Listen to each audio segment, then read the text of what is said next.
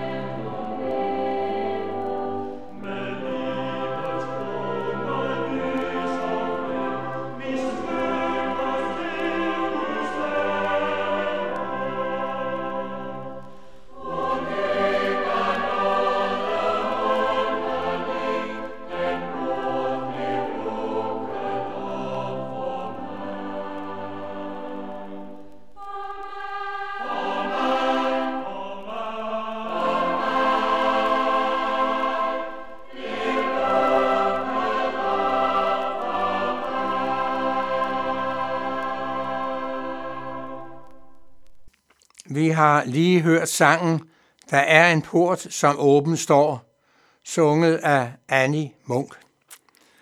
Vi skal bede sammen, og vi takker dig, vor Fader i himlen, for din omsorg for os, for din godhed og kærlighed, også for din strenghed.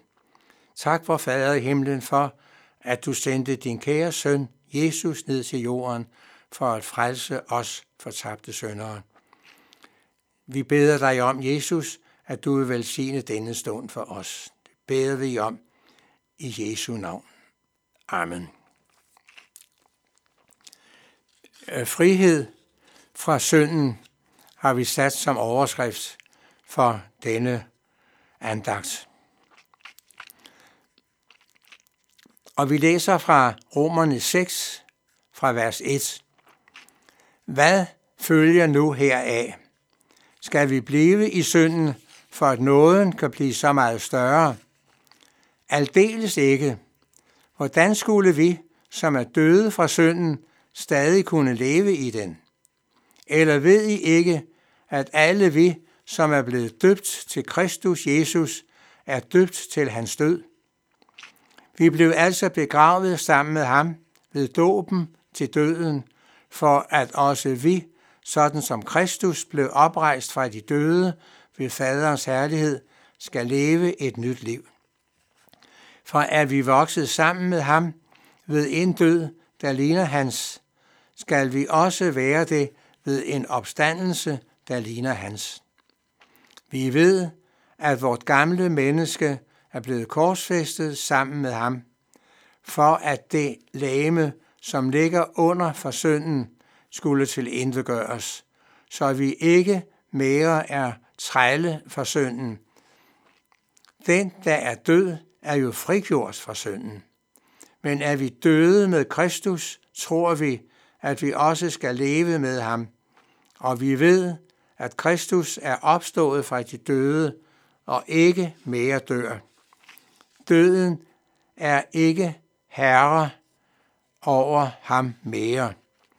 For den død, han døde, døde han for synden en gang for alle. Det liv, han lever, lever han for Gud. Sådan skal også I se på jer selv. I er døde for synden, men levede for Gud i Kristus Jesus.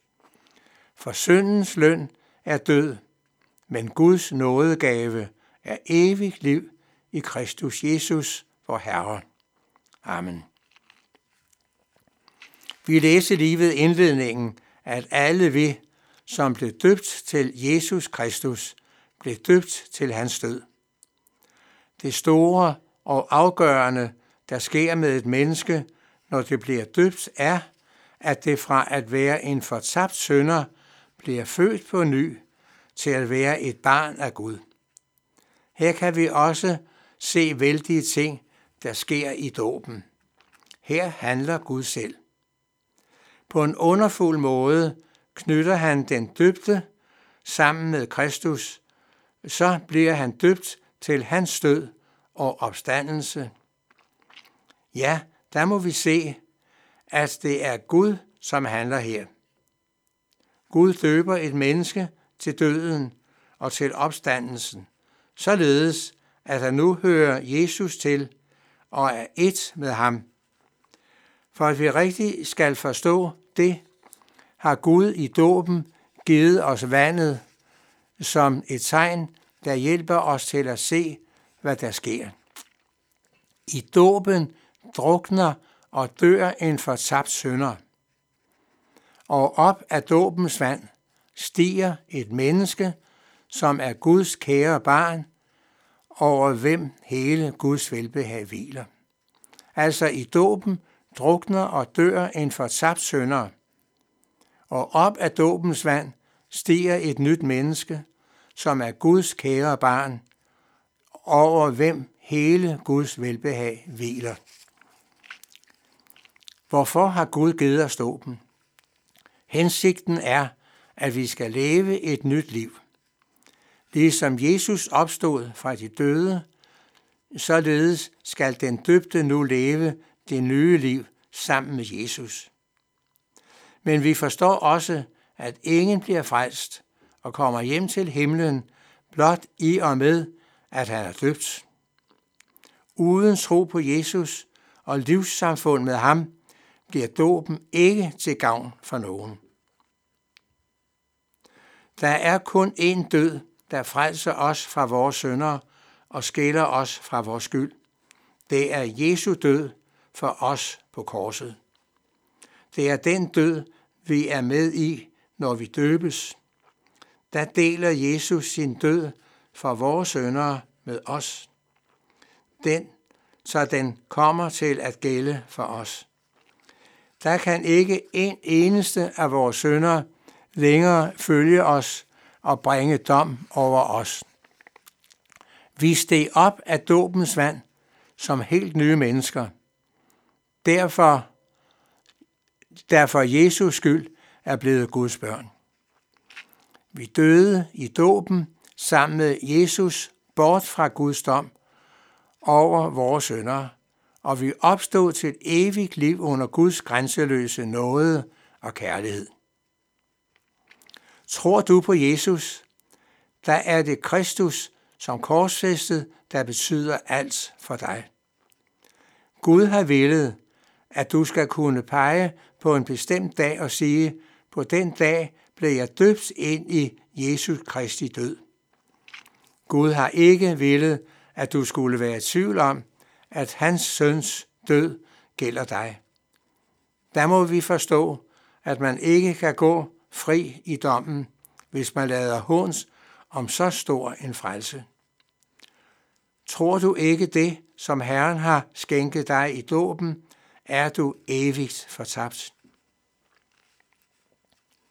Paulus skriver, Synden skal ikke være herre over jer, for I er ikke under loven, men under nåden. Guds rige er et nåderige. Alt har sit udspring og sin kilde i nåden. Et Guds barn er frelst ved den, og kraften til et helligt liv er også Guds nåde. Men vi kan så let og umærkeligt glide ind under loven. Man bliver så optaget af, hvad man skal være og gøre som en kristen. Følgen bliver, at synden får magt i deres liv. Guds lov gør synden stor. Man stiller store krav til sig selv og andre, men vi kan aldrig komme til at opfylde loven fuldt ud ved gode gerninger. Derfor siger Herren atter og atter, at vi ikke er under loven, men under nåden. Lovens vej fører til nederlag.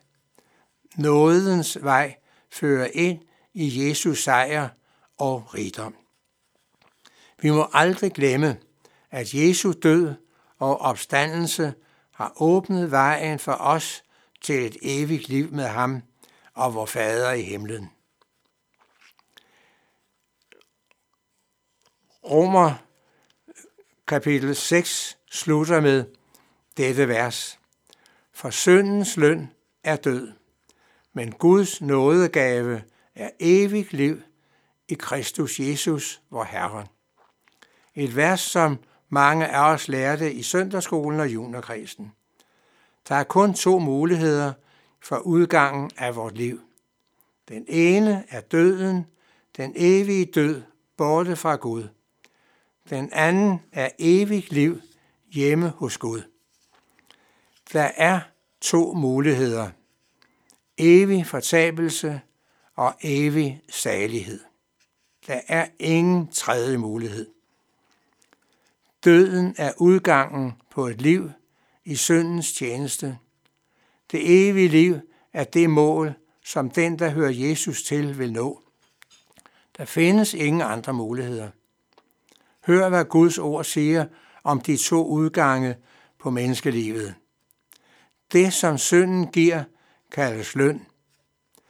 Men det, som Gud giver den, som tror på Jesus, er en nådegave. Man kan let se forskellen på disse to udgange på livet. Og kære lytter, det er i dag, du skal vælge. Vælg nu den rette udgang af dit liv her på jorden. Amen. Vi skal nu høre sangen Vælg du for mig den vej, jeg skal gå, sunget af Jens Bendix Jensen.